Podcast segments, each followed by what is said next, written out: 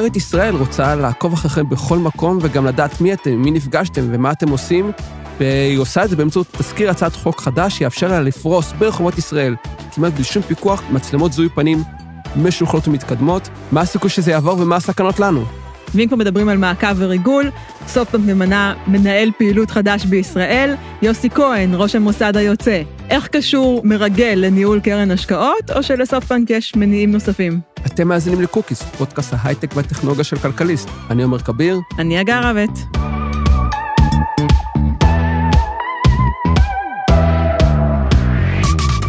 תזכיר הצעת חוק חדש שמקדמת משטרת ישראל, יאפשר לה לפרוס מצלמות זיהוי פנים ברחבי אה, ישראל. עומר, אתה עברת על התזכיר הזה, תגיד לנו מה יש בו וכמה אנחנו צריכים לפחד ממנו. נתחיל מהסוף, אין בו הרבה דברים טובים, אנחנו צריכים מאוד לפחד ממנו. אגב, אם אתם שומעים כאן רעש, זה הבן שלי גפן שמתלווה אלינו, לאולפן היום, כי המטפלת שלו הבריזה, ודחה שגם אולי יפרק את האולפן עד שאנחנו נצא מכאן. אז אה, אין שם הרבה דברים טובים. בעיקרון, לפני חודש באחד דיון בבג"ץ, סביב מערכת עין הנץ, זו מערכת שהמשטרה מפעילה כבר בערך כעשור לזיהוי אה, לוחיות רישוי. היא פרוסה בכבישים, מפעילה אותה באופן די חשאי, בלי הסדרה, וזה הגיע לבג"ץ, בג"ץ שהגישה האגודה לזכות האזרח ופרטיות ישראל. השופטים מאוד ביקרו את המערכת הזאת ואמרו למדינה, תסבירו למה אתם משתמשים בה, למה שלא תפסיקו להשתמש בה. והתגובה של המשטרה, של המדינה, היא לעשות uh, תזכיר הצעת חוק שבעצם מסדיר את הפעילות של המערכת. ועד כאן uh, עוד בסדר, איכשהו אפשר להגיד. הבעיה היא שבתוך התזכיר הצעת חוק הזה, היא גם הוסיפה סעיפים שמאפשרים לה להפעיל מערכת זיהוי פנים, או כמו שקוראים מערכת לזיהוי אדם, בכל ישראל, לא רק בכבישים ולא רק לוחיות רישוי ברכב. Uh, מעט מאוד מגבלות, אין שם שום פיקוח משפטי על פריסת המצלמות או על השימוש בהן. אין שם כמעט מגבלות על איך אפשר להשתמש? למשל, נאמר שם שאפשר להשתמש במערכת כדי לאכוף צווים שאוסרים על בן אדם להיכנס למקום מסוים או לשהות באזור מסוים. עכשיו, ברגע שיש לך משהו כזה, אם יש צו שאוסר על בן אדם לשהות נגיד ב... כן, באזור מסוים בתל אביב, את צריכה להפעיל את המערכת על כל מי שמגיע לאזור הזה בתל אביב. זאת אומרת, החוק מנוסח באופן מאוד מאוד רחב, שהמשטרה, באישור של קצין, בלי פיקוח של בית משפט, יכולה לפרוס מצלמות כמעט בכל מקום, לצלם כמעט כל אחד, ולנטר את התנועות שלו בזמן אמת או בדיעבד, וגם יכול להעביר את המידע לגופים אחרים כמו השב"כ או צה"ל, או אפילו בתרחיב שהוא ממשרד החקלאות, או כל גוף אחר שקשור איכשהו לאכיפת פשיעה.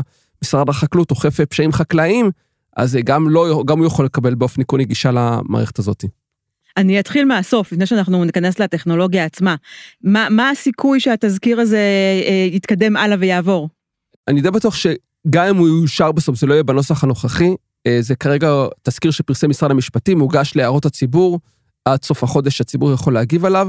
זה תהליך מאוד ארוך, הערות הציבור, צריך לעלות אה, לאישור ועדת שרים, ואז אלה הקריאות בכנסת, וזה תהליך אה, של שנים.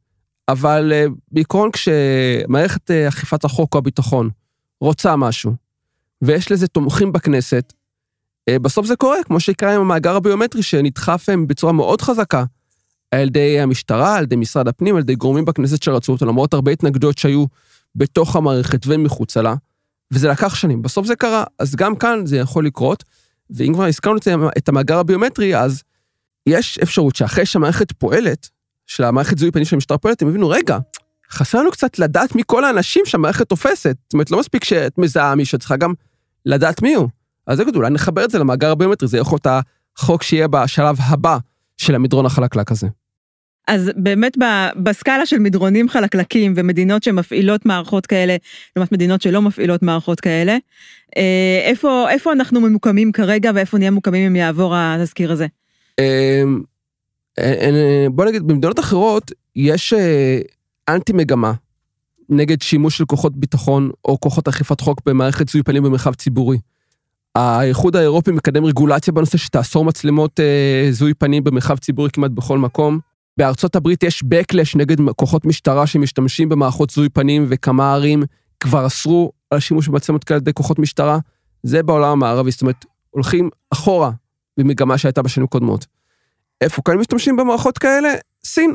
אז אנחנו, אם החוק יעבור, ובאמת תיכנס לשימוש, אנחנו נהיה הרבה יותר קרובים לסין מאשר לאירופה או לארצות הברית. סין, אבל גם בריטניה בעצם שעושה שימוש מאוד מאוד אה, רחב ב-CCTV. נכון, שימוש רחב ב-CCTV, למרות של-CCTV לא בהכרח שווה זיהוי פנים, אבל כן, בריטניה מאוד מנוטרת, אבל שם זה גם הכל מאוד מוסדר בחוק. יש מפקח חיצוני, אה, יש אדם שהתפקיד שלו זה להיות, הוא המפקח של כל, אני לא זוכר את השם, את התואר המדויק שלו, אבל הוא הרגולטור של כל המצלמות במרחב הציבורי.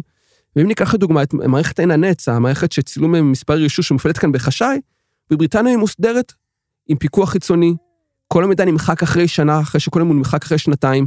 השימושים האסורים והמותרים מוגדרים בחוק או בתקנות. אה, שם יש את זה, כאן אין. זאת אומרת, אה, יכול להיות שאפשר לשנות במערכת כזאת, יכול להיות שיש לה מקום, אבל אני חושב שזה כרגע בהצעת החוק, זה המשטרה תפעיל אותה. בלי שום פיקוח, אפילו לא סמלי, שקצין בדרגת תת-ניצב או ניצב משנה יכול להחליט שהוא מציב מצלמות איפה שבא לו, על סמך שיקולים מאוד רחבים, מאוד רופפים, אה, בלי שום שקיפות כמעט. זאת, זה אחת הבעיות כאן. ודבר מאוד חשוב שאנחנו חייבים להתייחס אליו ברגע שמדובר על הפעלת טכנולוגיה של אה, זיהוי פנים, זה כמה הטכנולוגיה הזאת היא בעצם יעילה ומתקדמת. זו שאלה שהיא נכונה לשעתה. נכונה עכשיו, יש במצלמות האלה הרבה בעיות בזיהוי של מיעוטים, בזיהוי של נשים, בזיהוי של אנשים א-בינאריים, אה, הרבה פעמים שוגות בזיהוי שלהם. אה, או זאת נכון, היו בארצות הברית כמה מקרים שאנשים שנשלחו אה, למעצר, או אפילו, אפילו נגזר עונשם, אחרי שמצלמה זיהתה אותם כלא נכון. במקרה אחד הבן אדם ניצל מעונש מאסר רק מכיוון שהיה לו אליבי מוצק לכך שהיה במקום אחר בזמן שבוצע הפשע שכביכול הוא נתפס מבצע במצלמה. אבל זה בעיה שהיא מקומית. זאת אומרת, הבעיות האלה של הזיהוי השגוי ייפתרו בשנים הקרובות, אני מניח עד חצי עשור, הם כבר לא יהיו רלוונטיות אם ימשיכו לפתח את המערכות ולהשקיע בזה. מה שאנחנו כן צריכים לחשוש ממנו זה שמתי שהמערכות עובדות כמו שצריך, ושמזהות אותנו כמו שצריך, ואז משתמשים בזה לרעתנו. למשל, מצלמה שמצלמת את כל הבאים להפגנה נגד ראש הממשלה אה, הנוכחי, או הקודם, או הבא, ואחר כך המשטרה יכולה לדעת מי היה בהפגנה, כמה זמן הוא היה בה, עם מי הוא הגיע. אה, השימושים האפשריים, הפוטנציאליים בזה לרע, הם לא בדיוק דברים שאנחנו רוצים במדינה דמוקרטית. ויש גם, וזה אגב אומרים לשופטי בג"ץ, בהחלטה על עין הנץ, עצם זה שאזרח יודע שהוא מצולם, שיודע שיש מי שעוקב אחריו, שמסתכל עליו, גורם לו לשנות את ההתנהגות שלו, להפנים את זה שהוא ממושטר, ולהיות פחות חופשי. עצם הצילום הופך אותנו לחברה פחות דמוקרטית, הופך אותנו מאזרחים לנתינים. או למשפחת קרדשיאן. אה, הן עושות את זה מבחירה. הן עושות את זה מבחירה. זאת ההנחה. זאת ההנחה, גם הן כבר יורדות מהאוויר, אפילו הן כבר לא רוצות את זה. זהו, כבר הייתה עונה אחרונה. כן, אתה אומר יש גבול, אפילו זה... אפילו להן זה יותר מדי. בהנחה שמערכת כזאת היא באמת אה, יוצאת לפועל ופורסים אה, מצלמות ברחבי מדינת ישראל, האם יש איזושהי דרך להתגונן מפני, מפני דבר כזה, מלבד להמשיך ללכת עם מסכות, למרות שאולי זה... אולי נצטרך להמשיך ללכת עם מסכות לנצח. אמ, א', גם מסכות לא יעזרו לך, כי יש כבר פיתוחים שמצליחים לזהות עדיין מסכה. אין לך ממש דרך, בתור אזרחית, אין לך ממש דרך להתגונן. יש דרכים שיכולים להגן עלייך. אם עושים uh, התממה של המידע, או הצפנה של המידע, או מוצאים דרכים uh, למנוע זיהוי ישיר של הבן אדם, או כל מיני מנגוני הגנה, אין את זה בחוק. אין שום מנגוני הגנה כדי לשמור על פרטיות. אין שום מנגוני כדי למנוע שימוש לרעה של המידע על ידי שוטר. זאת אומרת, אין פירוט מי יוכל לגשת למידע, באילו תנאים. לכאורה המידע יהיה פתוח לכל המשטרה. עכשיו, ראינו כבר שוטרים שמנצלים גישה שלהם למאגרי מידע כדי להתחיל עם בחורות, או לנקום אה, באקסיות שלהן. עכשיו, תחשבי שיש לך שוטר, אה, לא בדיוק מה ישרים בחבורה שם, עם גישה למאגר כזה שיכול לעקוב אחרי מישהי בכל נקודה שבה היא הולכת, בין אם כי הוא רוצה להתחיל איתה, או כדי לנקום בה. ואין שום פיקוח שימנע את זה במסגרת הצעת, תזכיר הצעת החוק הזה. עכשיו כן, עוד יהיו תקנות ועוד יהיו אה, דיונים, אבל זה, אנחנו יודעים, אתם יכולים לדבר על מה שיש עכשיו. ומה שיש עכשיו זה הצעת חוק שנותנת למשטרה כוח בלתי מוגבל, כמעט עם אפס פיקוח. שום פיקוח חיצוני, שום פיקוח של בית משפט, שום פיקוח של ממונים מחוץ למשטרה. אין, לא נשמע דבר כזה. אני לא זוכר דבר כזה. אז אתה אומר שבעצם אה, אה, ההגנות צריכות להיות אה, מוטמעות בתוך החוק עצמו, אה, ולא להגיע כאמצעים אה, ספונטניים של הציבור. הן חייבות, בוודאי הן חייבות, זו הדרך היחידה. בתור ציבור אין לך מה לעשות. גם אם, גם אפילו מסכה יותר עוזרת, אנשים לא תמיד מודעים לכך שהם יכולים לעשות משהו, לא יודעים שהזכויות שלהם נפגעות, לא מודעים לסכנות עד שזה כבר מאוחר מדי. אה, ואנחנו לא צריכים להגן על עצמנו, המדינה צריכה להגן עלינו מפני עצמה. אה, יכול להיות שזה עוד יקרה, אבל כרגע, איך, שזה, איך שהתזכיר מפורסם כרגע, אין שום דבר חוץ מהרבה כוח למשטרה, מעט מאוד הגנות עלינו, אם בכלל. אה, למשל, המצלמות אפילו לא חייבות להיות גלויות. לפי החוק, המצלמות יוצבו במקום גלוי, אלא אם קצין סבר שהן לא צריכות במקום גלוי. לפי מה הוא סבר, אין פירוט, אז הוא יכול להחליט לא בא לי שיהיה גלוי. מספינים את המצלמות האלה ימין והשמאל, את אפילו יודעת שהן שם. אין שום שילוט, אין שום חובה לשילוט. את לא יודעת מתי את מצולמת, מתי את לא מצולמת. את לא יודעת מתי ניגשים למידע, מי, מי, מי עושה בו שימוש. אם הוא עובר לשב"כ או, למש... או לצבא. אה, כלום את לא יודעת, כלום. ומה שאולי יותר חמור, די חמור גם, שבחוק אין התייחסות למדרג של עבירות לגבי שימוש במצלמות. יש התייחסות לעבירה של השתתפות בהפגנה לא חוקית, באותו מדרג כמו של, כמו של פשע, עבירה מסוג פשע.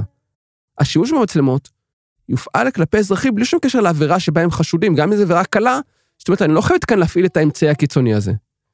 אה, זה חוק שגם הוא יעבור, ויש בעייתות בעצם זה שהוא עובר, אבל גם הוא צריך לעבור בשינויים מאוד מאוד מרחיקי לכת, אה, ונקווה שהם יקרו, כמובן שזה דרך עוד ארוכה, יש סיכוי סביר שהם יקרו, לא בטוח שזה יהיה מספיק. סליחה עומר, תגיד, אם מחברים את המערכת הזאת עכשיו גם ל big data ול-AI, אז זה הופך את יכולות המשטור והמעקב לחסרות תקדים, מטורפות, לא? אז אופיר, מנהל האולפן שלנו, אומר, ובצדק, שאם ילחימו את זה לעוד יכולות כמו AI, big data זה בעצם מה שקוראים בתרגום של מידע גדול, זה בעצם מאגרי מידע שמרכזים הרבה נתונים, הרבה מקומות, ועושים, מאפשרים לעשות כל מיני מניפולציות באמצעות מערכות בינה מלאכותית, כדי לייצר אה, מידע ותובנות חדשים. אפשר לעשות כאן שימושים מאוד אה, מסוכנים, אפשר אה, לנתח התנהגות של בן אדם בצורה מאוד פרטנית, לחזות אפילו התנהגות שלו, ולנצל את זה לרעה נגדו. יכול להיות שימושים טובים כדי לתפוס פושעים, אבל גם שימושים רעים, שידעו לאיפה הלכת, לאיפה תכננת ללכת, אם היא את נפגשת, לעשות מערכ, מערכת שממפה באופן אוטומטי את החברים שלך, את הקשרים המשפחתיים שלך, שימושים מאוד רעים. ועוד דיברנו על זה קודם, שהחזון לפני 20 שנה לדעתי כבר, שספילברג הציג בסרט מיינוריטי ריפורט, דוח מיוחד, שאת הולכת בכל מקום ויש מערכת זיהוי פנים שמזהה אותך כשאת כן. נכנסת לחנות ושאת עולה לרכבת, הוא כבר בעצם די מציאות. ועומד המציאות הזאת גם יכולה להיות כאן בישראל. אז אתה מזכיר את מיינורטי רפורט, הנה אני אזכיר את ה... בהמשך למה שאתה אומר. מיינורטי רפורט, התירוץ שלהם למערכות כאלה זה שהם אה, הפסיקו לגמרי את הפשיעה האלימה. אין מעשי רצח. אנחנו רואים גם בסין שמפעילה מערכות מעקב מאוד מאוד מאוד אה, חודרניות, יש ירידה בפשיעה. אז אה, יבואו אה, פרקליטי המשטרה ויגידו, חבר'ה, זה שכר ועונש, אתם רוצים ירידה בפשיעה, אתם צריכים אה, לוותר על, אה, על חלק מהפרטיות שלכם. יש כמה תשובות לזה. א', מנורת טיפות זה סרט שמבוסס על אנשים שיכולים, על precogs שיכולים לחזות את העתיד, אין מה להתייחס לזה. סין, הייתי מתייחס... הטיעון הוא אותו טיעון, הטיעון המוסרי, האתי הוא אותו טיעון. הייתי מתייחס בספקנות לנתונים שיוצאים מסין, האם המערכות האלה באמת מורידות את הפשיעה או לא מורידות את הפשיעה, זה באמת נתון למחלוקת. נתונים ממקומות אחרים בעולם לא בהכרח מאששים את זה. ויש ציטוט שמיוחס לבנג'מין פרנקלין, שאומר שמי שמוכן לוותר על חירות כדי לזכות בקצת ביטחון, לא זכאי לא לחירות ולא לביטחון.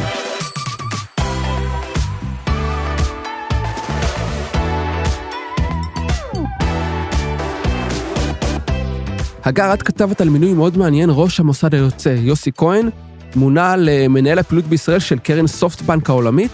קראתי את זה ועכשיו אני חושב, איזה כישורים יש לראש מוסד למרגל לנהל קרן השקעות? שאלה מצוינת, אני חושבת שכל מי שקרא על, על המינוי הזה בתקשורת ב, בסוף השבוע האחרון תהה את אותם uh, תהיות. קודם כל, זה לא הבכיר הביטחוני הראשון שמקבל משרה שהוא ככל הנראה לא כשיר אליה. Uh, זה נכון גם לדעתי על כמה ראשי ממשלה, ואני לא אגיד מי, אתם תנחשו. ואפילו על כמה שרי ביטחון, וגם לא נגיד מי. נכון. Uh, אז כן, יש, יש נטייה ישראלית להניח שאם פיקדת על איזשהו גוף ביטחוני גדול, אתה אה, יכול לעשות כל דבר בחיים ולעשות אותו נהדר. אבל כאן מי שממנה אותו זה לא איזה ישראלי, זה קרן אה, בינלאומית יפנית. כן, זה קרן בינלאומית יפנית, וכדי להסביר למה המינוי הזה דווקא מאוד מתיישב עם איך שקרן אה, סופטבנק פועלת, אני אתן טיפה רקע על סופטבנק, על הקרן. אז סופטבנק קודם כל זה, זה חברה.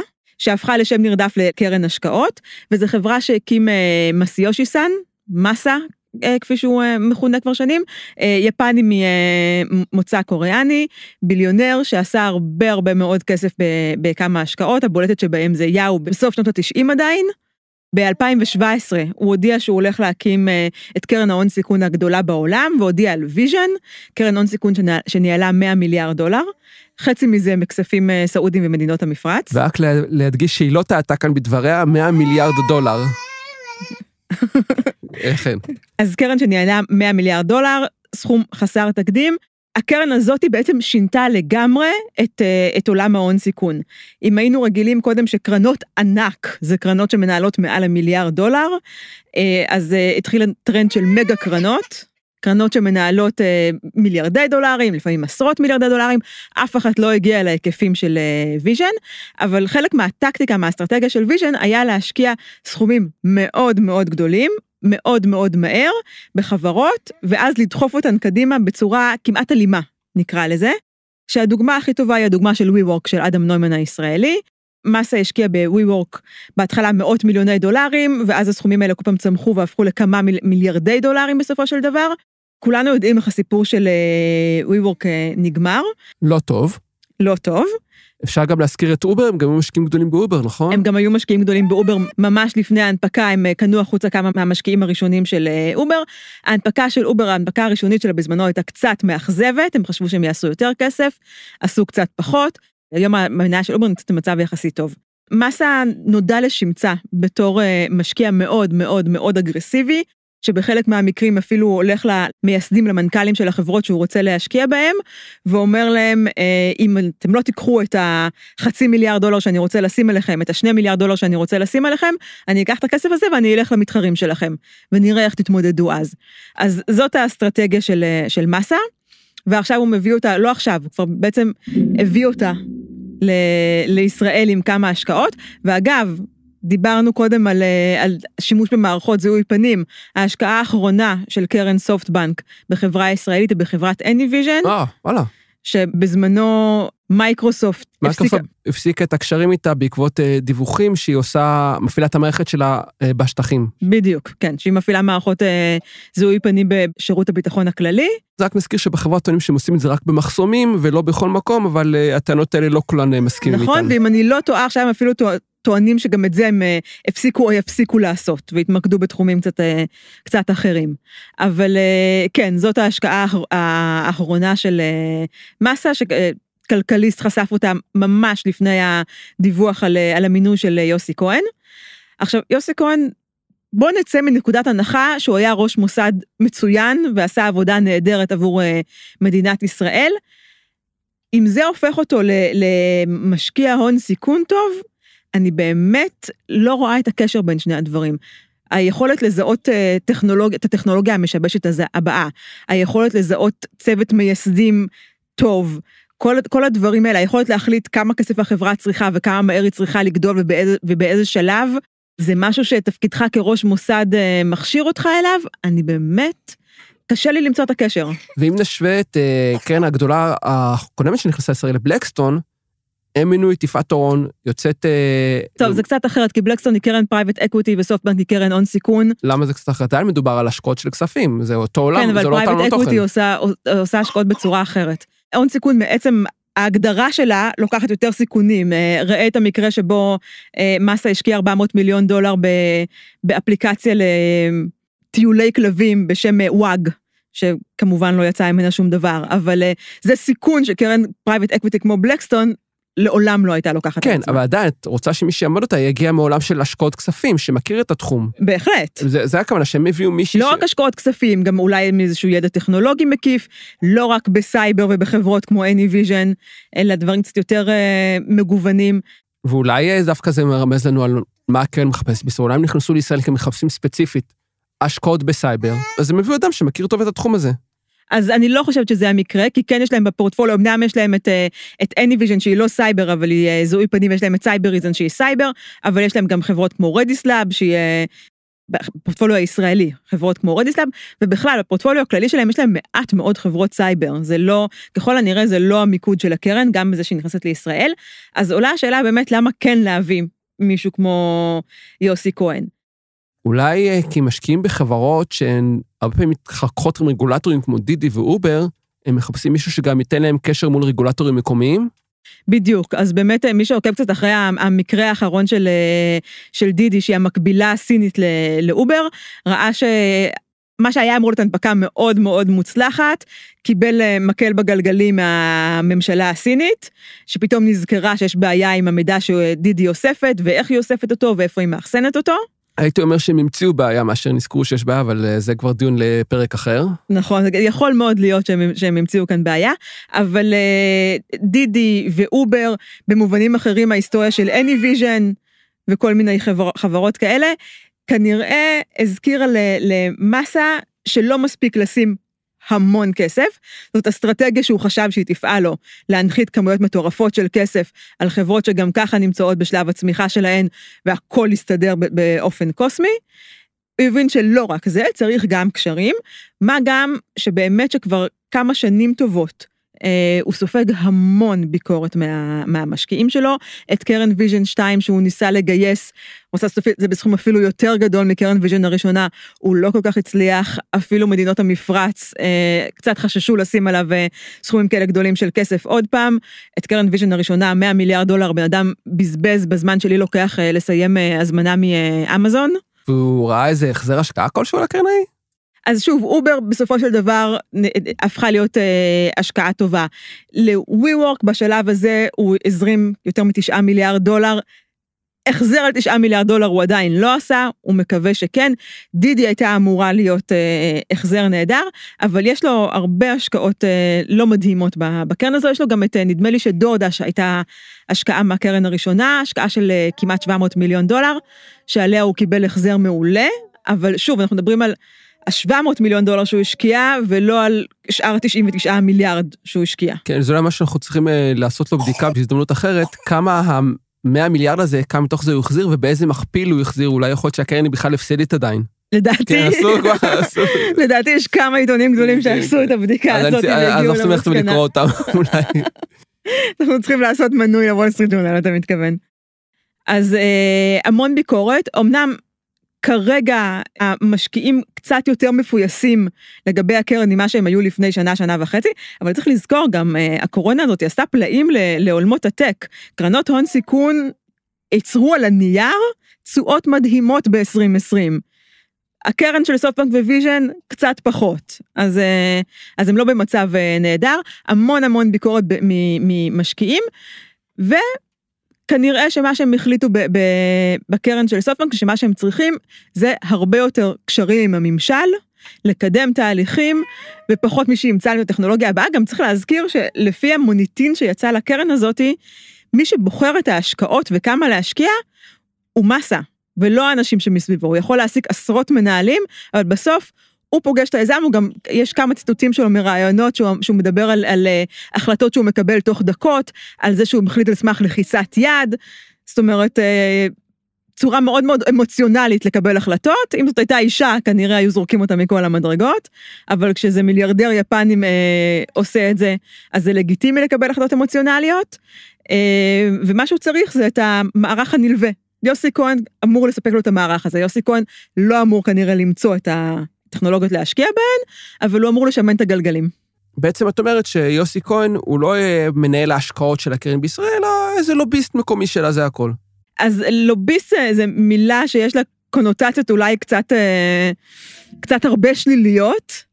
בכל זאת, אה, אני רוצה להאמין שראש מוסד לשעבר לא, לא ירדוף אחרי ח"כים במסדרונות הכנסת עם, אה, עם תיקיות אה, נייר, אבל אה, אני לא יודעת אם זה נאמר בראיון העבודה ביניהם, אבל אני מנחשת שאת אה, החלטות ההשקעה לא יוסי כהן יקבל.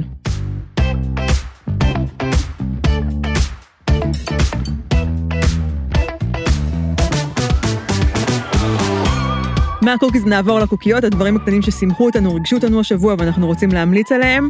עומר, מה הקוקייה שלך? הפעם אני אה, רוצה להמליץ על אה, שני פודקאסטים, על מתחרים שלנו, למרות שהם לא באמת אה, מתחרים שלנו. אתה בטוח שאתה רוצה להמליץ על שניים בבת אחת ולא לשמור אחד לשבוע הבא? כדי שלא אה. תצטרך לשמור עוד פעם על אפוסים היסטוריים? שמעת פעם אחת.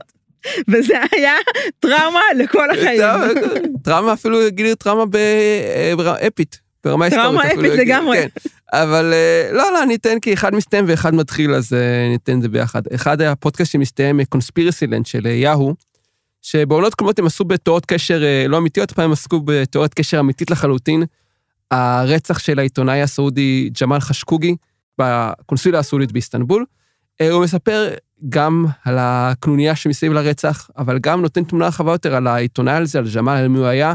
אני למשל לא ידעתי לפני ששמעתי שהוא היה חבר מאוד מאוד טוב של אוסאם בן לאדן אה, לפני 9-11, וגם קצת טיפה אחר כך. מספר על עלייה לכוח בסעו- בסעודיה של מוחמד בן סלמן, NBS, יורש העצר, ואיך הוא משנה את המדינה ומחזק את הכוח שלו בה. כמובן, גם אי אפשר בלי להזכיר שם את נסוב המעורבות שלה בפרשה הזאת. פודקאסט מאוד מקיף ומאוד מעניין, אה, שמונה פרקים, האחרון ישודר אה, אה, ממש לפני שבוע. ופודקאסט חדש שהתחיל לאחרונה, עונה חדשה שהתחילה לאחרונה, של רוויזיוניסט היסטורי של מלקום גלדוול, מסתכל על דברים מוכרים מזוויות חדשות ומפתיעות. הפרק הראשון דיבר על מכונות אוטונומיות, ואיך שהכניסה של מכונות אוטונומיות בעצם תיתן לאנשים את השליטה המוחלטת בכביש. הוא אומר שברגע שיהיו מכונות אוטונומיות הוא מתחיל לשחק אה, כדורגל או כדורסל על הכביש. אז שני פודקאסטים מאוד מוצלחים, אה, שווה לחפש ולהאזין להם. והגר, מה הקוקייה שלך? אז אה, אני באתי להקליל כאן את האווירה, עם אחרי תיאוריות קונספירציה וכדומה. הקוקייה שלי זה סדרה בריטית בשם Starstruck. אוקיי, לא שמעתי. אף אחד לא, לא שמע עליה מחוץ לכל, בגבולות מדינת ישראל, כי היא לא משודרת ב, בשום אה, אתר סטרימן או גוף שידור אה, זה, היא שודרה ב-BBC 3. סדרה קצרצרה, שישה פרקים, כל אחד 20 דקות, אה, של העלילה בה זה על אזרחית מן השורה, שמגלה שהיה לה one night stand עם אה, אחד מכוכבי הקולנוע הגדולים בעולם. ומה קורה אחר כך? באמת, אז פרקים מאוד מאוד קצרים, סופר אינטליגנטים, צוחקים בקול לפחות פעם, פעמיים ב- בפרק. גם יש בזה משהו מאוד אה, אנושי ואמיתי ונוגע ללב. אה, סדרה מקסימה של אה, קומיקאית מניו זילנד, שעושה את וואלה. הסדרה שלה ב- בלונדון. המון, המון דברים להמליץ עליהם, גם אה, ייצוג של אה, נשים שהם לא, לא אנשים שאתה רואה בדרך כלל בסרט טלוויזיה האמריקאית, מודל שונה לאהבה לקומדיה רומנטית, וזה כולה שעתיים אם רואים את הכל ברצף, פחות מהסרט החדש של בלק ווידו, והרבה יותר טוב ממנו. וואלה, אני רץ לחפש את זה אחרי שאני רואה את הפרק החדש של גוסיפ גול. אלה היו הקוקיז והקוקיות שלנו השבוע, אנחנו רוצים להודות לרועי ברגמן מכלכליסט, לאופיר גל מסוף הסאונד, אני הגר רבט. אני עומר כביר, אם אהבתם את הפרק, חפשו אותנו ב Apple Podcast או בספוטיפיי, נתראה בשבוע הבא. אתם יודעים מה? חפשו אותנו גם אם לא סבלתם את הפרק. זאת גם סיבה מעולה לחפש משהו.